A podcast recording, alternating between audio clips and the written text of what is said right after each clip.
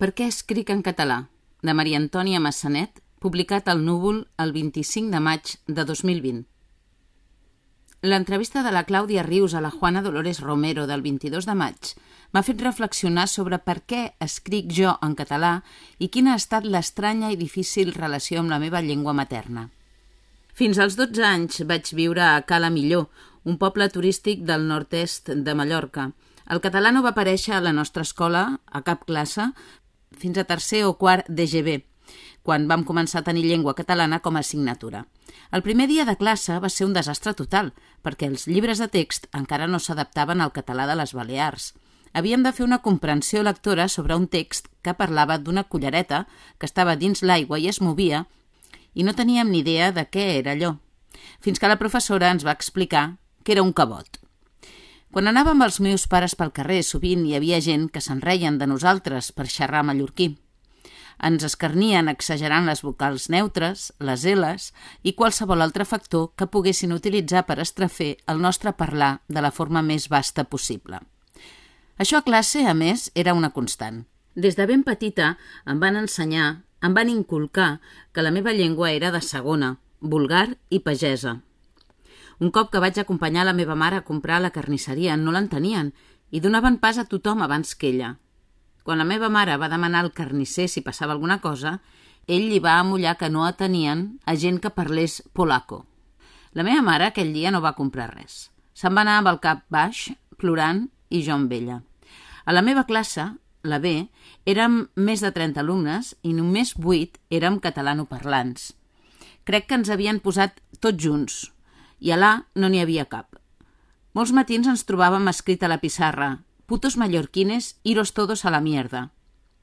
A mi m'agradava molt llegir, i era grasseta. Per si no em quedava clar, era la rara, també, per un tercer factor.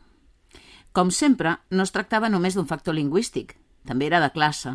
Ells eren fills de forasters, famílies immigrants de la península, castellanoparlants, que havien començat a treballar de temporada en el sector turístic i al final s'hi havien quedat a viure. No se sentien de Mallorca, no estimaven Mallorca i encara menys s'identificaven amb la seva llengua, que associaven als seus patrons, els hotelers, que eren mallorquins. Però clar, no tots els mallorquins eren hotelers i els pares dels que anàvem junts a escola us asseguro que no. Eren fills de salariats, perruqueres, camioners, netejadores i de dependents de souvenir. En realitat teníem més en comú del que ells es pensaven. Les filles dels empresaris mallorquins anaven en autobús a un col·legi privat de monges de Manacor i vivien en grans xalets, en terrenys esponjats, amb jardí i piscina, a la part alta de Cala Millor. Per aquells atzars de la vida vaig anar a jugar amb algunes d'aquelles nines alguna vegada. Tenien habitacions enormes, només per jugar, plenes de barbis i de tots els seus complements, de disfresses i perruques. No havia vist tanta abundància en la meva vida. Parlaven en mallorquí, però jo tenia clar que aquell tampoc era el meu lloc.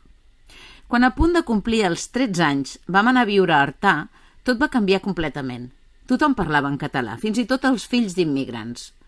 A l'escola totes les classes, excepte castellà, es feien en català. Però poc després veuria que tampoc era tan fantàstic. Pels companys de l'escola el meu català estava ple de barbarismes i de vocals tancades. No era prou bo, pel que vaig recomençar a ser objecte de burles. A més, el meu germà, amb el que ens portem més de 8 anys, també va començar l'escolarització i la gent em demanava tot el temps que per què ell parlava castellà i jo català i que si era adoptat. El meu germà va començar a parlar molt tard i es va amullar a fer-ho a la guarderia, on tota la resta eren castellanoparlants. Això sí, va passar a xerrar en català en poc temps i avui en dia ni se'n recorda d'aquella etapa. Quan vaig arribar a segon de batxillerat, vaig tenir una professora de català que com a persona era horrible i que em va tractar molt malament, però que em va ensenyar unes quantes coses útils. Que un dels autors més importants de la llengua catalana, Àngel Guimarà, va estar molt acomplexat pel seu català quan va anar a viure de les Canàries a Barcelona, que era la diglòsia i que una llengua sigui minoritzada no vol dir que sigui una llengua menor. A punt de fer els 18 vaig venir a estudiar a Barcelona i per aquí m'he quedat. A partir d'aleshores, el meu accent va passar de ser de poble i vulgar per passar a ser exòtic i seductor. Tant era. Era una altra forma d'exclusió i minorització. Havia estat la mallorquina odiada que encarnava una classe social després la castellanitzada i ara era l'exòtica, a la que el professor de fonètica i fonologia posava com a exemple vivent de tot. Però encara no era el suficientment exòtica, ja que no era capaç de pronunciar la G i la K com ho fan a Manacor i a Sant Llorenç. A tot això, i com us podeu imaginar, jo tenia un cacau mental considerable sobre com escriure i parlar en català. Escrivia més o menys bé perquè sempre havia llegit molt, però feia un munt de faltes d'ortografia i també confonia les vocals obertes i les tancades.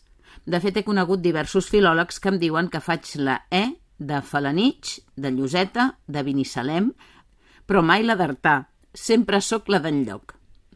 Amb els anys em vaig treure els nivells C i D de català però encara faig moltes errades i m'equivoco sovint. Soc molt insegura amb la llengua. Reescric moltíssim els meus textos. Fins i tot edito una vegada i una altra els posts de Facebook i sóc de la que es lamenta perquè Twitter no dona aquesta opció. I per afegir a la meva inseguretat lingüística encara hi ha gent que em corregeix quan parlo, fins i tot companys docents, quan utilitzo vocabulari perfectament normatiu, però propi del meu dialecte. Ara a Mallorca sóc la catalana, tot i que a Catalunya no deixaré de ser mai la mallorquina. No sóc cap parlant clara de cap varietat dialectal i sempre m'han fet sentir com una parlant subalterna, però una cosa sí que tinc clara.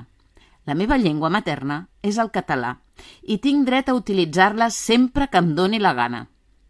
Em va costar molts anys entendre que no era una llengua de segona, sinó una llengua nacional i de cultura, que tenia dret a fer-la servir en qualsevol situació lingüística, estic segura que jo no salvaré la llengua catalana escrivint poesia en català. Primer perquè, per si no bastés amb escriure amb una llengua minoritzada, he triat el gènere literari més minoritari. En segon lloc, perquè la meva poesia és massa balbucejant i novella i com que vinc de la classe social que vinc, la meva manera d'acostar-me a l'escriptura és més de la consciència d'obrera que no com a artista. I tercer, perquè no tinc prou domini de la llengua per erigir-me en la seva salvadora però escric en català perquè em salva a mi, perquè em recorda a cada moment d'on vinc, quines són les meves arrels, tot i que siguin tan difuses, i cap a on hauria d'anar. Tot i el meu insuficient domini de la llengua, tot i els meus dubtes i inseguretats, però amb tota la passió i la consciència que faig allò que puc en la llengua que vull, que és la meva i la de molta altra gent, perquè l'estimo, perquè és una llengua maltractada i perquè és un miracle que encara existeixi.